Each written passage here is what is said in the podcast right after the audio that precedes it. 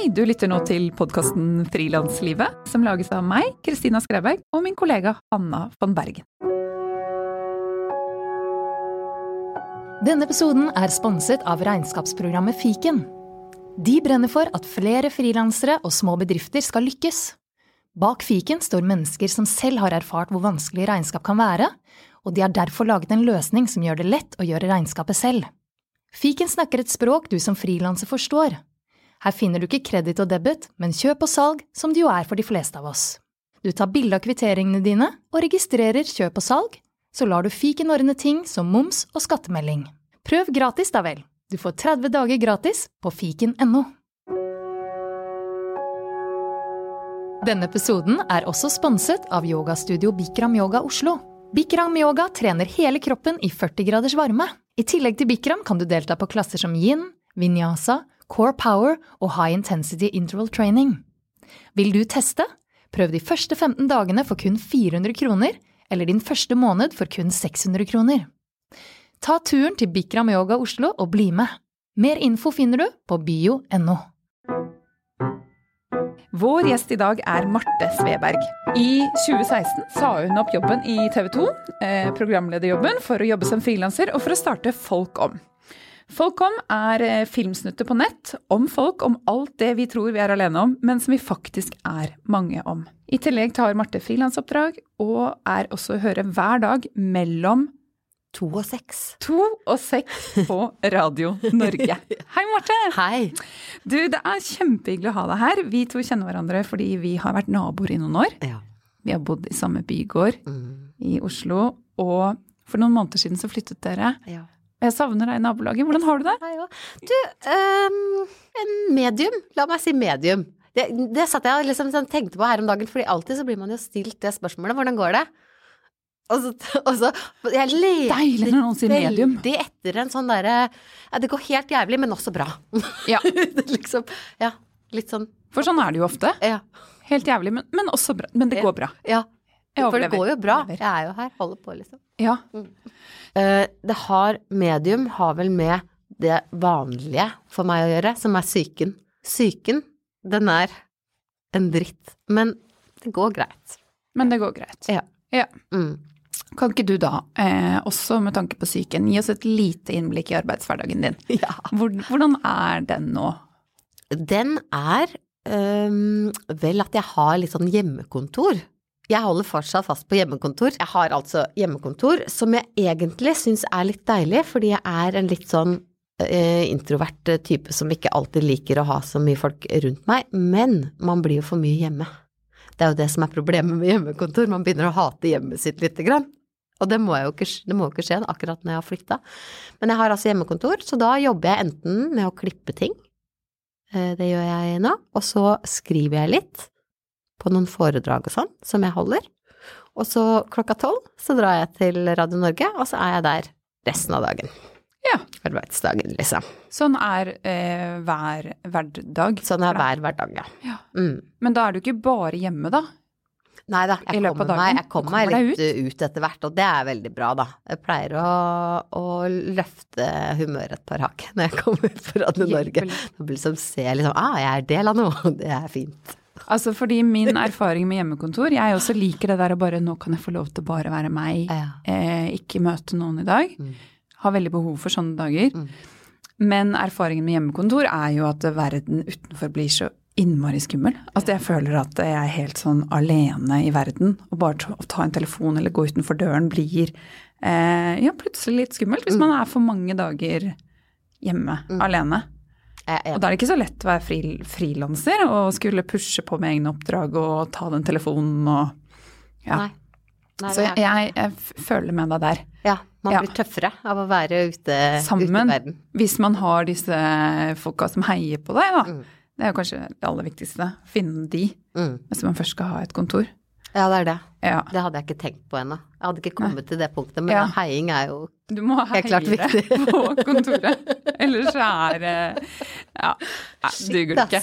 Ja. Det er mye til et, hjemme, til et sånn kontorfellesskap, det innser jeg nå. Mm, mm, Ikke sant? Men du, du har jo i flere jobb, år jobbet i TV 2, Mhm. eh, som bl.a. programleder for Jakten på kjærligheten og Skal vi danse.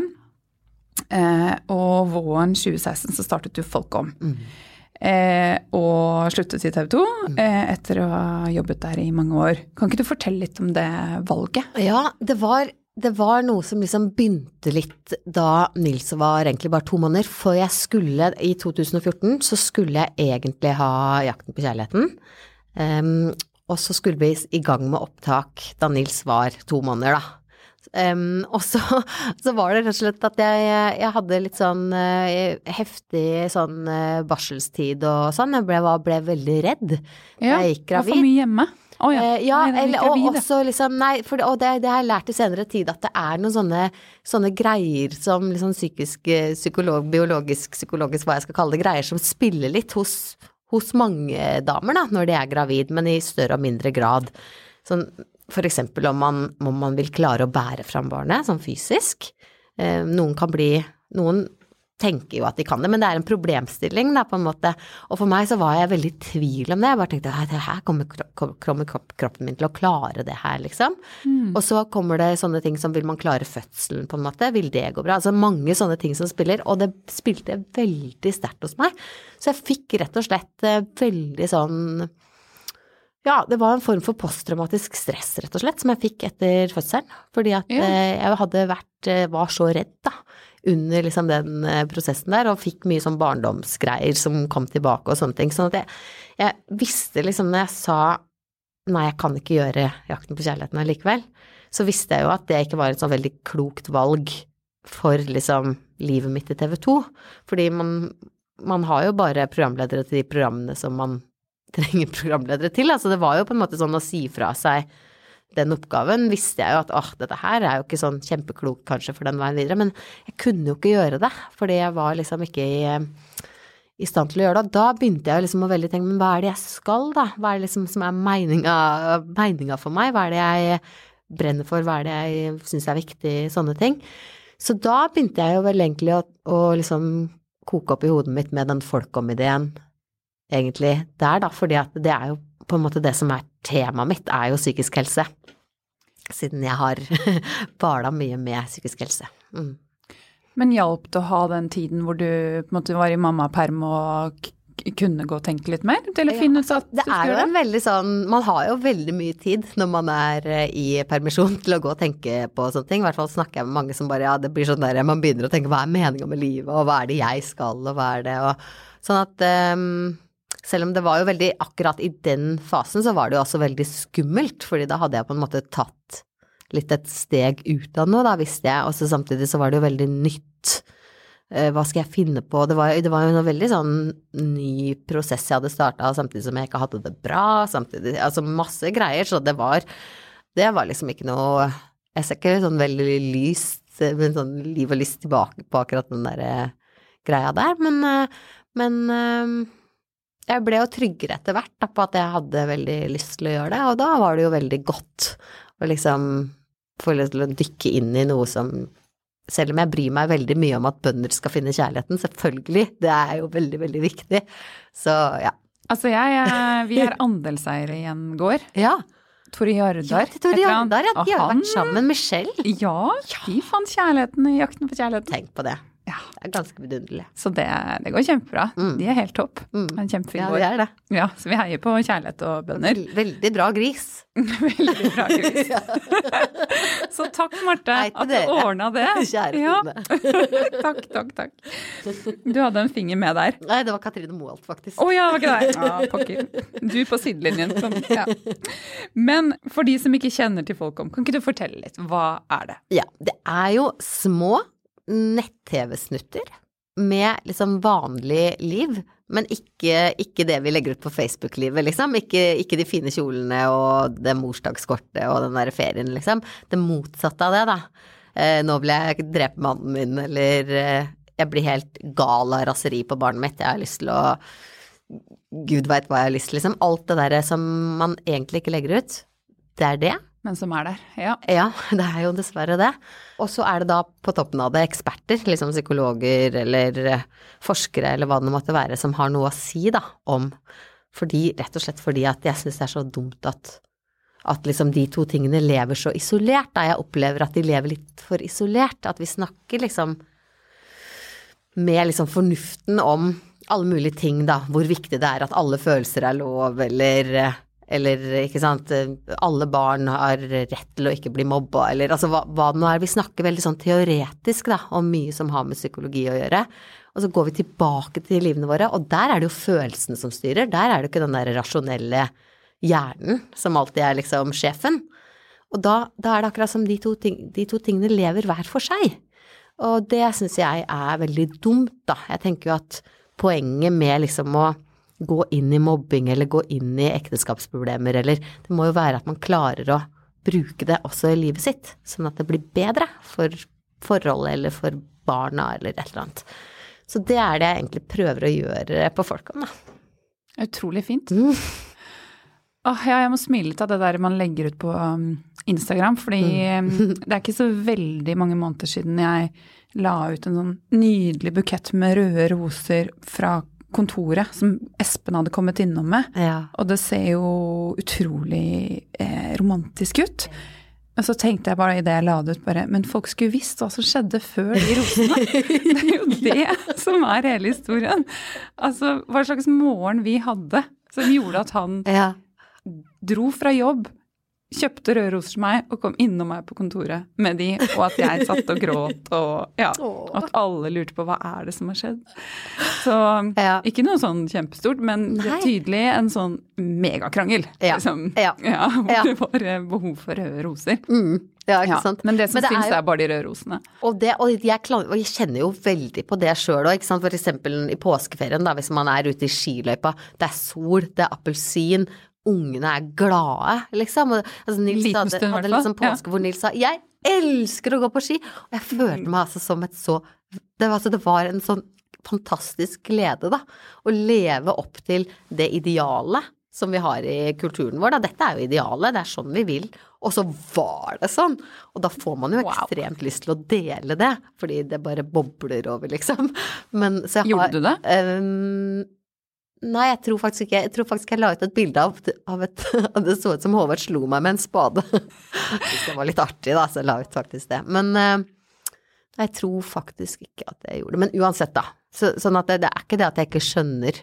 Jeg skjønner virkelig det, men så er det at jeg har lyst til at det skal være litt mer, for det blir så skammelig med alt det der andre som, eh, som man driver og Mm. Tror man er aleine om, da. Men ja, det hadde vært gøy hvis du lagde en sånn sekvens av hele morgenen og opp til rosene. Det hadde vært veldig gøy. Neste gang. Kanskje. Ja. Du har jo laget serier om alt fra vennskap til samliv, foreldrerollen, om eh, de feile følelsene vi har, og om løst og fast. Og jeg har ofte sittet foran Mac-en og jeg har grått flere ganger fordi jeg kjenner meg sånn igjen, og for at jeg ser at det er flere som har det som meg. Ehm, kan ikke du fortelle litt om hvorfor du brenner sånn for det, og dette med psykisk helse? Og kanskje litt din historie. Mm. Ja, altså min historie er jo at jeg har, har jo hatt en vanskelig oppvekst, ikke fordi jeg ikke har hatt foreldre som har villet at vi skulle ha det bra og at jeg skulle få et godt liv, og som virkelig Altså, jeg, jeg Min mor er som, som veldig mange mødre som bøyer seg liksom i alle retninger for å gjøre det godt. Og vil, sant, men allikevel så er jo ikke det alltid nok, da. Det er jo ikke Det handler jo ikke om intensjonene, og det handler ikke om viljen, og det handler ikke om kjærligheten. Det handler bare at kanskje man har med seg noe, man møter noe som er for vanskelig, da. Sånn at jeg har jo vokst opp med en veldig, veldig liksom psykisk sjuk far. Som ingen egentlig har skjønt eller orka liksom å ta inn over seg at var sjuk, så alle har egentlig bare lata som han var helt frisk. Men det var han jo ikke, og det var jo veldig tydelig for meg, da, som var liksom sammen Jeg var sammen hver tredje helg, og, og mange sier jo at ja, det er jo ikke så mye.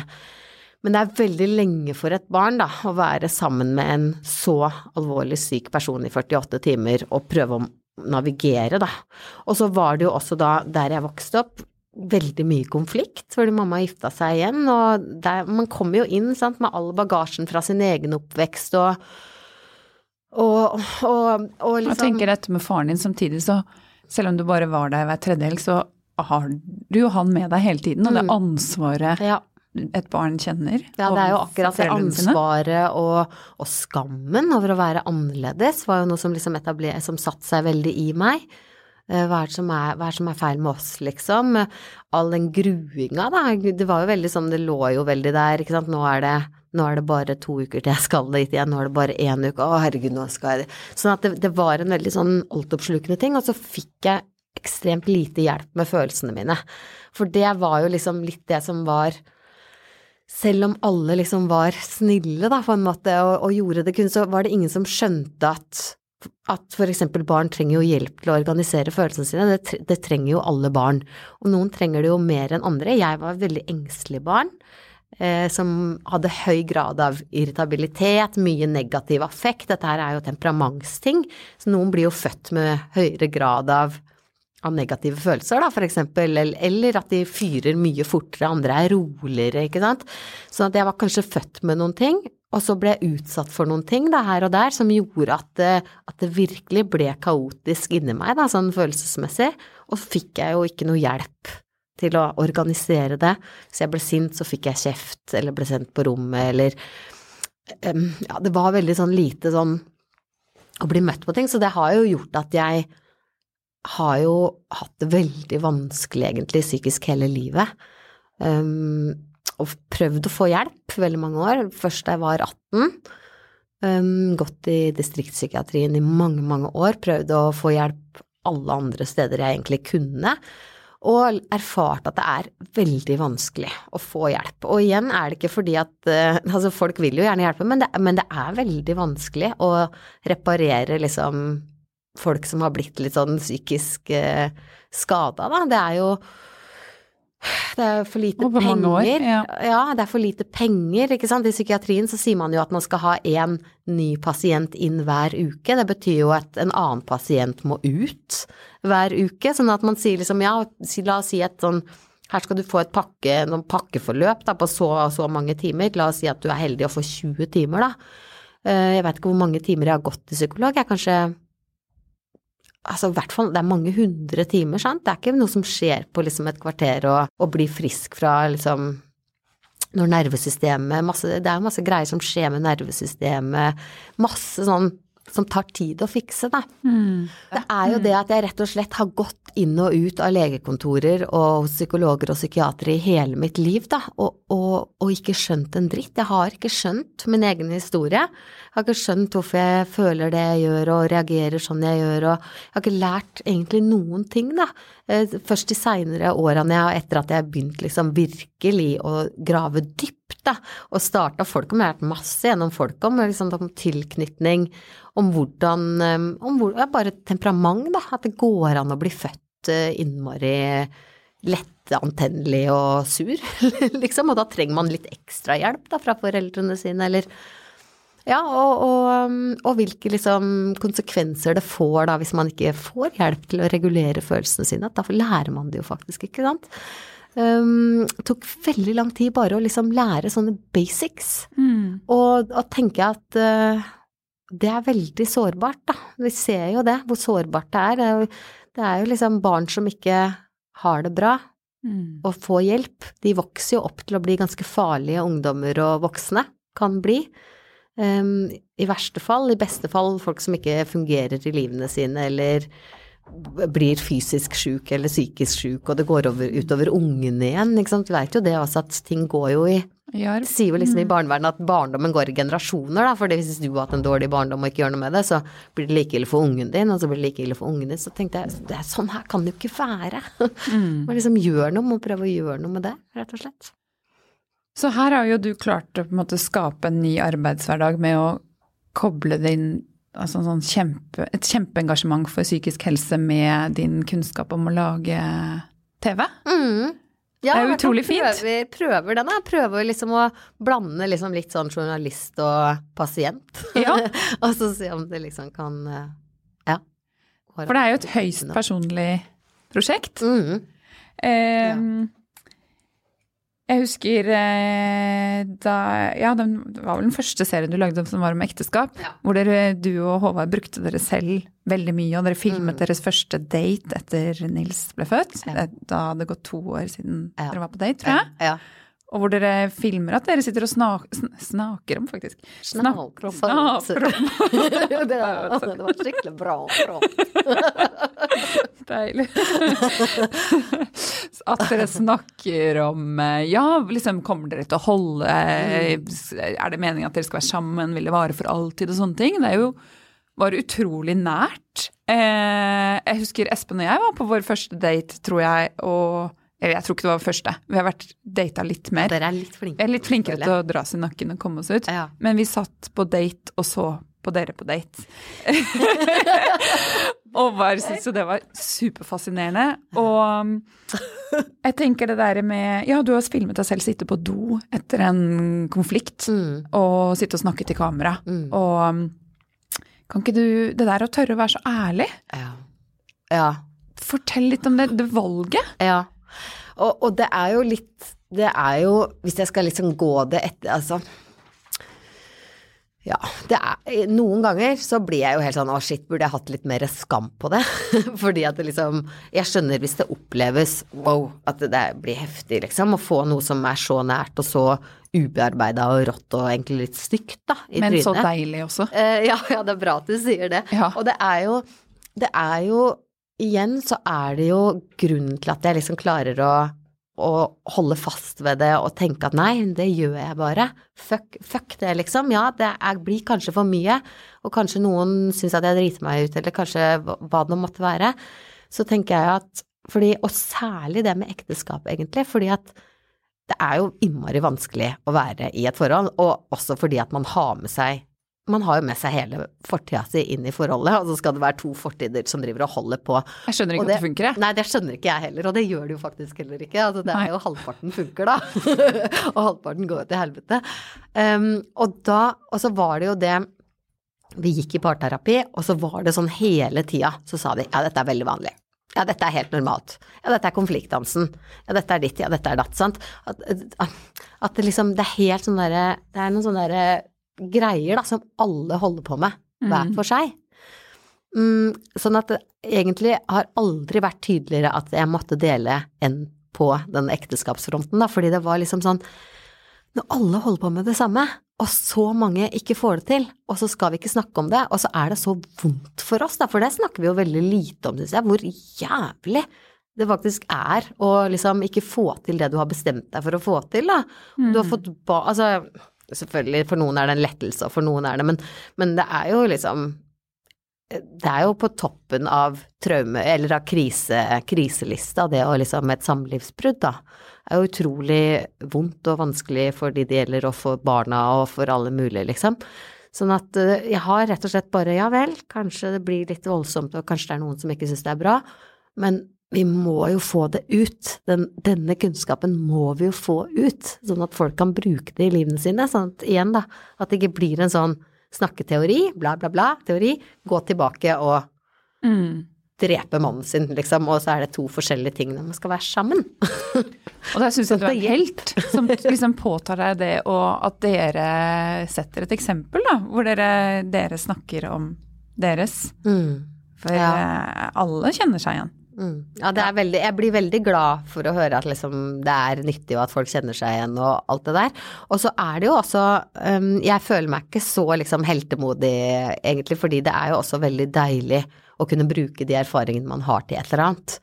Uh, sånn, at, sånn at ja, det er hyggelig at du liksom Mm. syns ja, det er kult at du gjør det og sånne ting. Men, men det er jo litt den derre Ja, det er jo Du har litt kompetanse på det, liksom? ja, jeg har, jeg ja. har jo rett og slett eh, det, og det er jo Jeg, jeg har liksom alltid sagt sånn der jo, men jeg er glad for det jeg har opplevd, og det har gjort meg til den jeg er, og sånn og slik, og bla, bla, bla, liksom. Men etter at jeg fikk Nils, så har det forandra seg veldig, da, fordi at Fordi at eh, det er jo ikke noe bra, og liksom Det er jo mange ting som man har lært som, man, som jeg absolutt ikke vil ta videre til han, da. Men så er det det jeg har i meg, på en måte.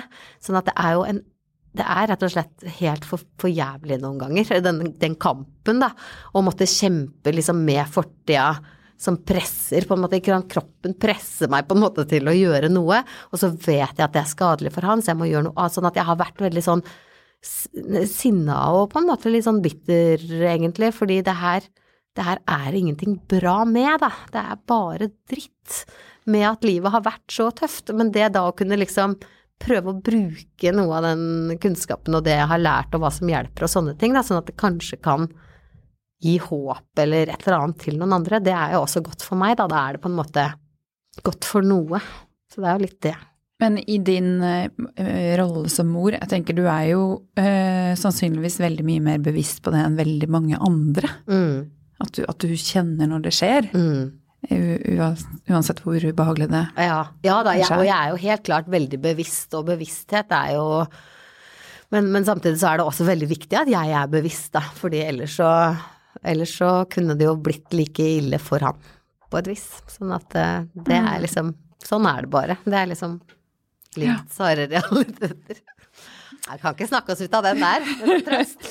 Nei da, gå videre. Gå videre. Eh, jo, eh, jeg har jo skjønt at du er eh, litt kjendis. Eh, jeg har jo Først nå har jeg, har jeg, skjønt det, Marte. Men det er veldig gøy, for jeg har jo vært med i en Magnus Devold-sketsj på TV Norge en gang om at jeg er Norges mest ukjente kjendis. Oh, ja, ja, så du behøver ikke kjenne så mye på det. Ja, jeg er det. Herregud. For meg er du det, fordi jeg har ikke sett, sett deg på TV. Jeg ser, ser litt for litt på TV. Jo, jo. Og eh, har ikke lest i Se og Hør at det sto at du gikk opp seks BH-størrelser da du var gravid med Nils. Men det gjorde jeg, altså. Men det, det gjorde du tydeligvis, for det, det står på Hør.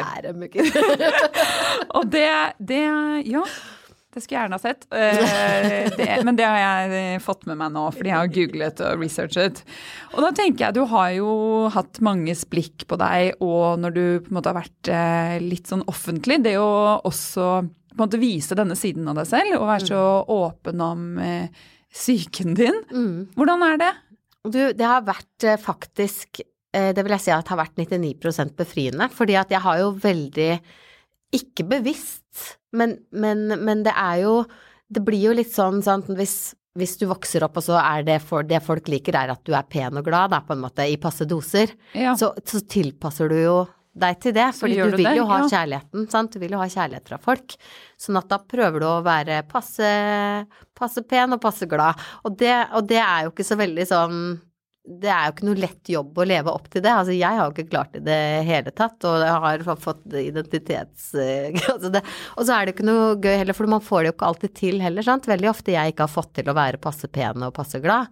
Vært altfor glad, og ikke så veldig pen, og litt ditt og litt datt. Det er, det er ikke så veldig sånn tilfredsstillende da, å prøve veldig hardt å være noe som man ikke er. Ja, man blir litt låst i det. Ja, blir veldig låst i det, og så, og så, treffer kritikken så hardt. For det var ikke den gang jeg prøvde på bla, bla, bla. Nei, det blir bare litt sånn balete, da. Sånn at det er mye enklere, eller det er befriende, da, syns jeg, å mer liksom bare si sånn er jeg. Ja, eh, å være pen og liksom trist. Ja. ja, ja, ja, men også litt kvisete med litt sånn, med sånn pluslete hår. Det er utrolig hva sånn folk sånn. diskuterer sånn. i sånne forum. Ja, hun har jo så tynt hår, og oh, ja. hun ser jo gravid ut, og det er jo det er mye oh, greier som skjer i sånne forumer. Sånn at, sånn at, det har også vært egentlig bare for meg eh, diggere. Fordi da er det ikke noe sånn, ikke sant, prøve å holde opp en fasade som ikke er riktig, er jo vanskelig jobb. Ja. Mm. Og så veit jo ikke jeg alltid hva folk sier, da, heldigvis, verken før eller nå. Det er jo også veldig bra. ja. Mm.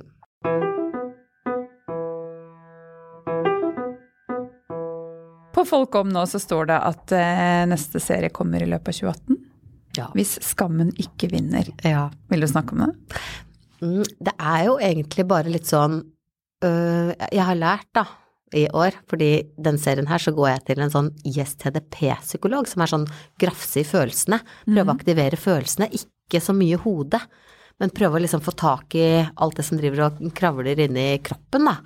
Um, og hun har lært meg, Cecilie Benneke, veldig flink, at liksom skam kan jo være veldig bra. Det, kan jo være, det er jo det som holder oss innafor, liksom, at vi ikke blir utstøtt av flokken og at vi ikke kler av oss på julebordet, eller at vi ikke Altså mange gode ting med skam, men hvis man har en litt sånn grunnskam, som er litt sånn selvfølelsesskam, da, som bare ligger litt sånn tynt utapå, liksom, fordi man kanskje har blitt fortalt at man har gjort mye feil, eller følt mye feil, eller vært mye feil, sånn som jeg har gjort, da. Eller blitt. Hvis jeg har blitt sint, så har det vært feil, eller det har vært mange ting som ikke har vært lov. Så får man litt sånn slør av grunnskam, som bare handler om at uff, nei, jeg er bare en tragisk person, liksom. Øh. Um, og den eh, kjenner jeg litt eh, på det året her, da, og da blir det jo, det blir jo ingenting ut av ting. når, man, når man går og kjenner på sånne ting, fordi da er det sånn åh, nei, ingen som orker å høre på dette her, eller får, Man har bare ikke driven, da, til å liksom få til ting. Så der Skjønner. er jeg litt nå, så jeg må komme meg liksom litt uh, Det er det egentlig det. Fordi det leder meg til mitt neste spørsmål, og det er jo det at for eh, Kanskje for oss frilansere mer enn for folk som har en fast jobb, Mm. så påvirker det liksom hvordan vi har det, påvirker hvordan vi gjør det på jobben, Ja. eller hvordan vi presterer. Mm. Så sånn er det litt for deg nå, da. Ja, Ja. ja, det er jo det. Litt. Hvordan, hvordan dealer du med det? Har du noen råd? Jeg har hatt det sånn i mange perioder, jeg. Ja. Hvor det Du- går fullstendig utover sparekontoen. Og Ja. jeg ja, Ja. liksom får ikke gjort så mye. Nei. Nei, det er jo akkurat det. Og så råd Ja, råd eh, Eller er, sånn er det kanskje bare. Ja, kanskje bare er litt det, men det, det som liksom i hvert fall jeg har lært etter de to åra her på Folkdom, da, fordi at jeg hadde det litt sånn ganske lenge og pusha ganske mye på, og ble litt sånn hengende i stroppen hele tida, fordi at det var noen som jeg ikke måtte skuffe, og, og jeg hadde jo sagt til de at jo, men det, vi skulle jo bli sånn og sånn, og de har jo kommet med noe der, og en har avtale med Aftenposten der, og liksom, så jeg har liksom holdt på veldig mye, da, og så til slutt så har det blitt sånn at bare det har kommet en mail i innboksen, så har jeg bare fått panisk eh, anfall, for sånn, jeg orker ikke forholde meg til det. Og det er jo veldig trist når man holder på med det man faktisk har lyst til å holde på med, og så får man en sånn sterk reaksjon på noe man egentlig vil ha, men ikke orker allikevel. Sånn at um, jeg har rett og slett bare måttet eh, liksom si sånn nei, nå skjer det ingenting på en stund. Jeg, må, fordi at for hver lille sånn push som kommer, så bare mister jeg mer og mer lysten på det. Ja. Eh, Det er jo selvfølgelig ganske dumt for lommeboka, og derfor så må jeg ha sånn ekstrajobber, da. Ekstrajobb på radioen, og jeg er kjempeheldig med den radiojobben, at jeg liksom har en fast ting som kan gå til, hjelper jo veldig. Du tjener penger, Eh, og du kommer deg ut av døra Ja. hver dag. Rett og slett. Psykisk helse. Men det, Ja. Så det må jo være liksom Tipset må vel være å skrelle bort det man kan, og så gjøre det man må, da. Ja. Som koster minst, kanskje. Jeg er helt enig. Jeg har Ja. også i sånne perioder på en måte heller prøvd å stenge noen dører, Mm. sånn at jeg kan åpne det når jeg er klar, Ja. enn at eh, folk Altså så får man heller kanskje brenne noen broer, Ja. enn at man hele tiden føler at liksom folk forventer noe eller venter på noe eller Men så er det også veldig sånn, for folk er veldig tidlig ute med å si det, ja du må være på hele tida, det må være sånn, det må være slik, ellers så blir det feil, ellers så blir alt ødelagt. mm, Eh, og det er jo liksom åh, er ikke sikkert det stemmer engang. Nei. Altså det Jeg er veit, det vet vi ikke. Det kan hende at det går an, som du sier, å lukke døra nå, åpne den igjen om et år. Ja. Og så, og så livet jo går sin gang, ja vel, da er det noen, kanskje noen andre, men så går det jo an å komme seg inn igjen hvis du har vært inne et sted før. Helt så kommer enig. du deg sikkert inn igjen. Det er i hvert fall ikke Sånn at, sånn at det syns jeg folk ikke, skal roe seg litt ned på, og drive og komme med sånne Hvis du ikke gjør sånn og slik, så går det til helvete, liksom. Ja, ja du må, det er nå da momentum, Mm. eller nå må du Ja, ta det nå når du kan. Og, og jeg tenker at hvis du ikke makter å følge opp det der eh, racet uansett, Mm. så, så kommer det ikke til å komme noe godt ut av det. Nei. Så det liksom ta Det prøver jeg å si til meg selv, at jeg er i, i dette her eh, for et langtidsperspektiv. Mm. Så man må liksom eh, pace yourself, hva heter det? Ja, Eh, Eh, ja. Legge seg på riktig tempo. ja. Jeg vet ikke. Liksom, ja. Eh, pace yourself. eh, det, nei, det jeg blir jo ikke det. Men ja, Man er rett og et langdistanseløp. Man kan ikke liksom gi alt hver gang man kanskje, eller alle andre, Mm. mener at man burde. Ja, nei, det er akkurat det. Det, Det er moralen, altså. det er moralen. Men du, nå må du veldig snart, om ti minutter skal du være i Radio Norge. Ja. Eh, Jeg må gå om tre minutter. Vi kan snakke okay. fort tre minutter til, da. Eller fire, da, hvis jeg løper til Radio Norge. Ja, å, du er grei. Mm. Eh, Fem, da. Skal vi se. Ja. Men er det noe penger i å drive Folkom? Uh, nei, det vil jeg jo ikke Nei. Men altså, jeg er jo verdens verste salgsperson. Altså, jeg jeg har jobba i klesbutikk og ga så mange prosenter at jeg nesten fikk sparken. Oi. Ja da, det er sant. Eh, sånn at det jeg tjener penger på, er jo litt sånne samarbeid. Og så tjener jeg penger på foredrag. Og så tjener jeg penger hvis noen kommer og spør har du lyst til å ha en kampanje med oss. eh, vi skal, det skal handle om parforhold eller sånne ting. Jeg har i hele mitt liv ikke solgt meg sjøl. Altså, jeg har ikke og, og sånn at Jeg fikk et tips en gang, kanskje det er et tips, for jeg har ikke, jeg har ikke prøvd det tipset her, men kanskje det er noe som vil funke for noen. At man sier liksom hvis det er noe man trenger, da. Sånn som jeg, da. Jeg er helt forferdelig på salg. Jeg trenger noen som er gode på å tenke kommersielt. Da skal man liksom si det høyt, da. Hver gang man liksom snakker Eh, Snakke med folk? Ja, Ja. fordi da kan plutselig være jeg er jo helt rå på det, eller jeg kjenner jo han, han driver med det, eller Det tipset har jeg også fått. Ja. Finn ut hva du trenger, og så begynne å si det. Ja. Og så plutselig møter du noen. mm. Frilanstilværelsen, har du det bedre som frilanser enn du hadde i TV 2? Nei, det er farlig å si det, for da kanskje jeg aldri får jobbe i TV 2 igjen. Ja, jeg er livredd for å brenne broer, men du, har du, tiltaler dette livet deg i forhold til det å ha fast jobb? eh, ja, det vil jeg si. Jeg, for jeg er jo litt sånn uh, flaksefuglete og blir veldig blir veldig sint inni meg hvis noen sier at jeg må være akkurat der hele tida og gjøre akkurat det og følge forskriftene på noe. Så ja, jeg, det passer jo veldig bra. Ja, Frilans til Nå fikk jeg lyst til å prøve å si noe sånn ha-ha, drit, et eller annet, og så bare kokte vekk i kålen. Ja, det er skikkelig bra. Det er å være bra. frilanser. Nå har jeg lagt meg ned i stolen her og roper til mikrofonen. Men du, det er dager som ikke er så bra òg. Ja. Noen dager føler man seg udugelig, andre Ja. dager som en superhelt. Ja. Sånn er det. Men det er jo det som er utrolig gøy med det, er jo at man liksom eh, Dette her merker jeg at nå er det en mening med det jeg holder på med her. Mm. Da er jo det egentlig verdt mer enn veldig mye, Vært si. de dype dalene. Mm, Ja. si. Og meningen har du funnet. Jeg har funnet den nå i hvert fall. Kanskje, kanskje, For nå, ja. kanskje jeg har noe annet som er meningen om ti år, men jeg har funnet den for nå. Mm. Takk, Marte. Du, det. ha det. Hei.